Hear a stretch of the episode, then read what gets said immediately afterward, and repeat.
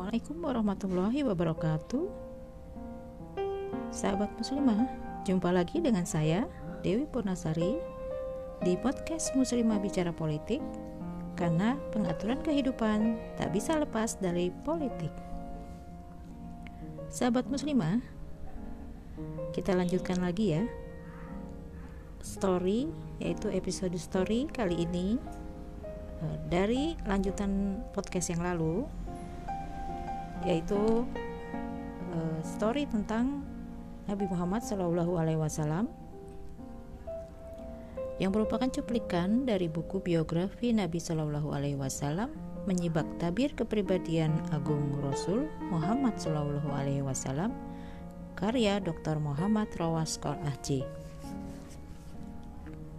Sahabat muslimah, insya Allah pada podcast kali ini saya masuk ke bagian yang keempat dari pembahasan tentang kepribadian Rasulullah yaitu kepribadian Rasul dari sisi kemanusiaannya.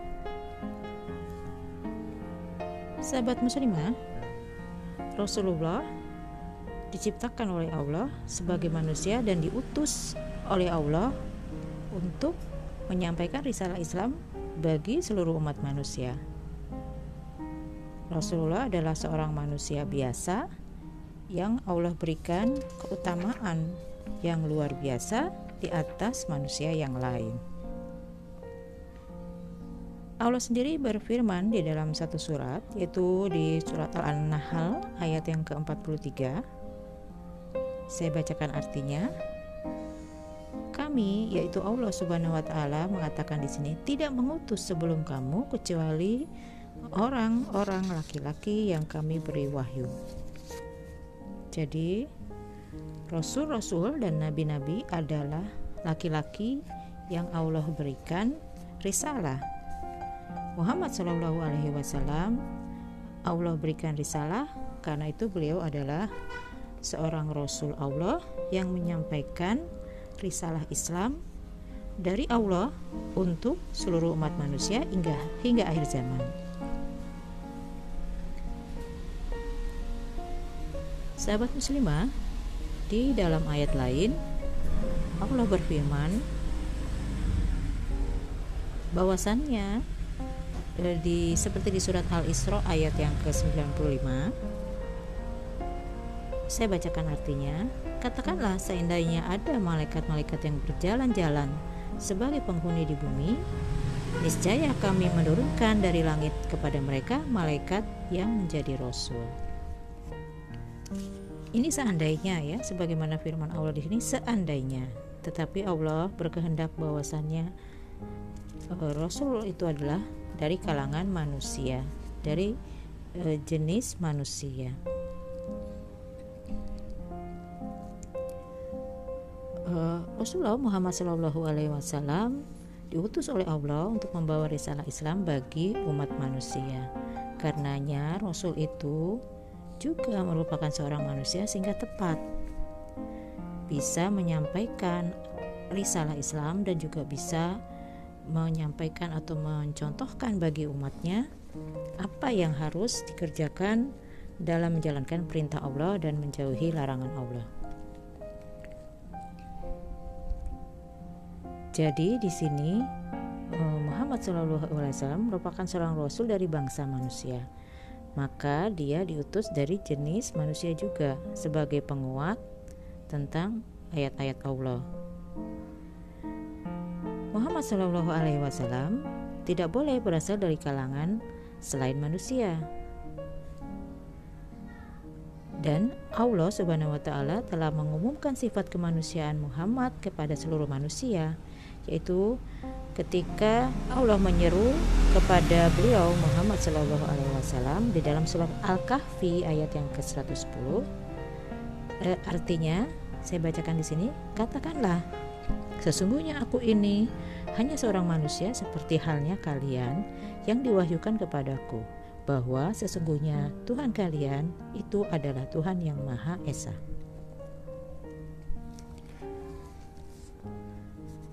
Nah, di sisi lain, jika Muhammad Shallallahu Alaihi Wasallam itu seorang manusia, maka ia pasti memiliki sifat yang sama dengan manusia lain dari segi fisiknya.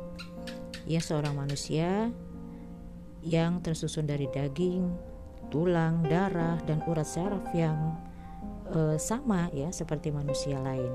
Bentuk fisiknya dan e, apa yang ada di fisiknya sama dengan manusia lain. Tidak ada satupun karakter kemanusiaan yang dicabut dari diri beliau. Beliau lahir dari kedua orang tua yang dikenal, yakni bernama Abdullah bin Abdul Muthalib dan Aminah binti Wahab. Beliau mengisi masa kanak-kanaknya sebagai anak-anak sebagaimana anak-anak yang lain, serta menjalani masa remaja dan masa tuanya sebagaimana manusia yang lain. Muhammad Shallallahu Alaihi Wasallam juga makan, minum, serta berbuat atau melakukan berbagai hal yang biasa dilakukan oleh manusia lain seperti berjualan, berbelanja, berjalan-jalan di pasar, pergi ke tempat-tempat yang ingin dituju, eh, dan ini dinyatakan di dalam Al-Quran, sehingga kemudian dengan kesamaan dari sisi kemanusiaan ini, maka Allah menjawab apa yang kemudian dipermasalahkan oleh orang-orang yang tidak suka dengan ajaran Islam.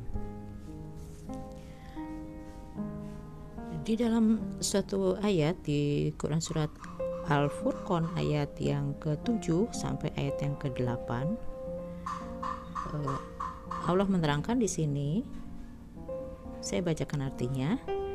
Mereka berkata, "Mengapa Rasul ini memakan makanan dan berjalan di pasar-pasar? Mengapa tidak diturunkan kepadanya seorang malaikat agar malaikat itu memberikan peringatan bersama-sama dengan dia? Atau mengapa tidak diturunkan kepadanya perbendaharaan? Atau mengapa tidak ada kebun-kebun baginya sehingga dia dapat makan dari hasil kebun tersebut?" Nah, di sini eh, sahabat muslimah, orang yang tidak suka dengan ajaran Islam mencoba menyampaikan hal-hal yang justru berkebalikannya. Adalah merupakan yang terbaik bahwa Rasul itu dari kalangan manusia sehingga bisa menyampaikan risalah Islam dan bisa mencontohkan bagi umat. Tetapi malah mereka justru mempermasalahkan mengapa Rasul itu sama dengan manusia kebanyakan makan, minum, berjalan-jalan, pergi ke pasar, dan lain sebagainya. Mereka justru mempertanyakan hal seperti itu, padahal Rasul itu telah diutus oleh Allah dengan sebaik-baiknya kehendak Allah. Di dalam ayat lain, Allah berfirman, yaitu di Quran surat Al-Furqan ayat yang ke-10 yang artinya Maha suci Allah yang jika dia menghendaki niscaya dia menjadikan bagimu yang lebih baik daripada yang demikian yaitu surga yang mengalir sungai-sungai di bawahnya. Dan dia menjadikan pula untukmu istana-istana. Jadi Allah membalas atau Allah uh, uh, menyangkal apa yang tadi dipermasalahkan oleh orang-orang yang memusuhi Islam ya bahwasanya kalau Allah menghendaki sesungguhnya mudah bagi Allah memberikan hasanah kehidupan dunia kepada Muhammad Shallallahu Alaihi Wasallam.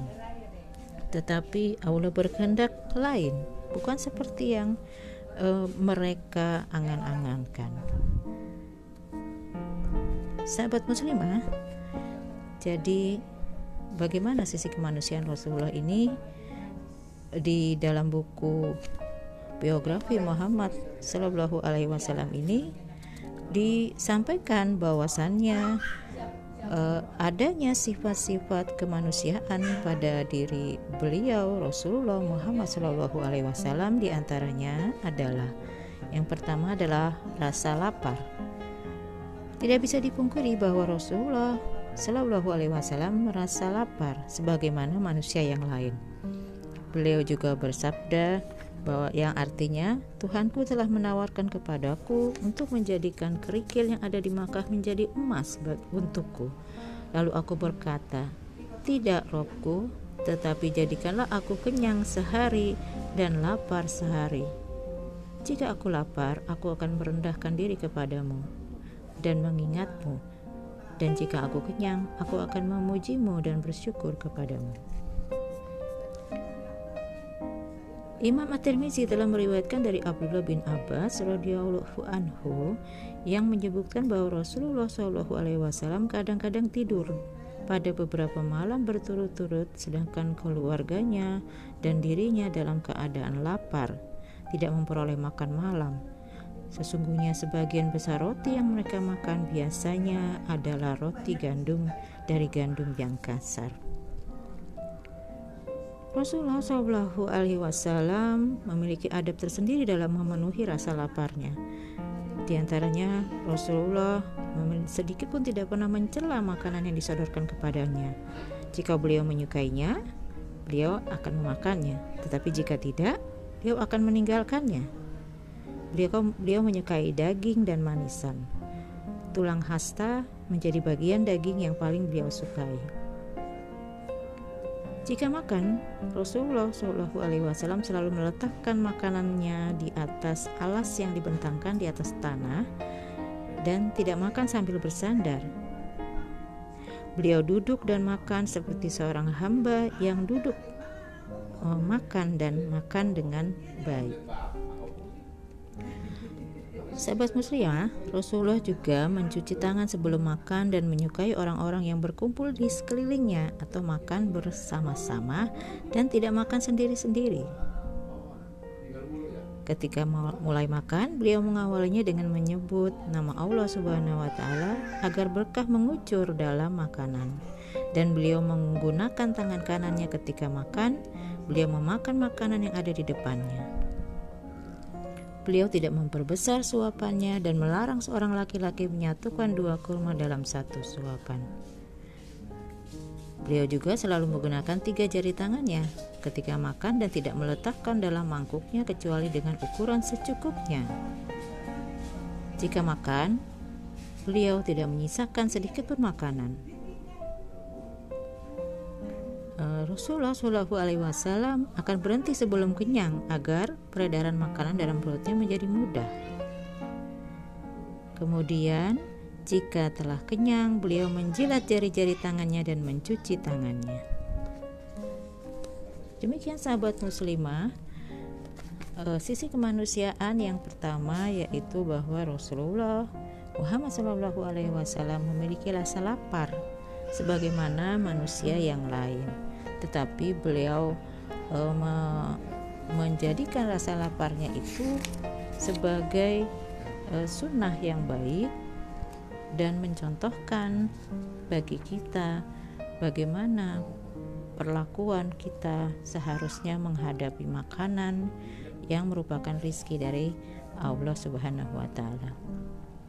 Nanti Allah selanjutnya di podcast yang akan datang kita membahas lagi lanjutan dari sisi kemanusiaan Rasulullah yaitu Rasulullah juga sama dengan manusia biasa memiliki rasa haus, memiliki rasa sakit.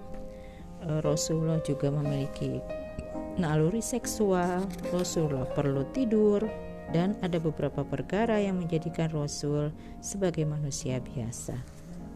Mudah-mudahan kita semua bisa terus mengikuti podcast uh, yang saya sampaikan ya sahabat muslimah sehingga bisa mencerahkan uh, dan memberikan ibroh terutama bagi saya dan juga bagi sahabat muslimah semua.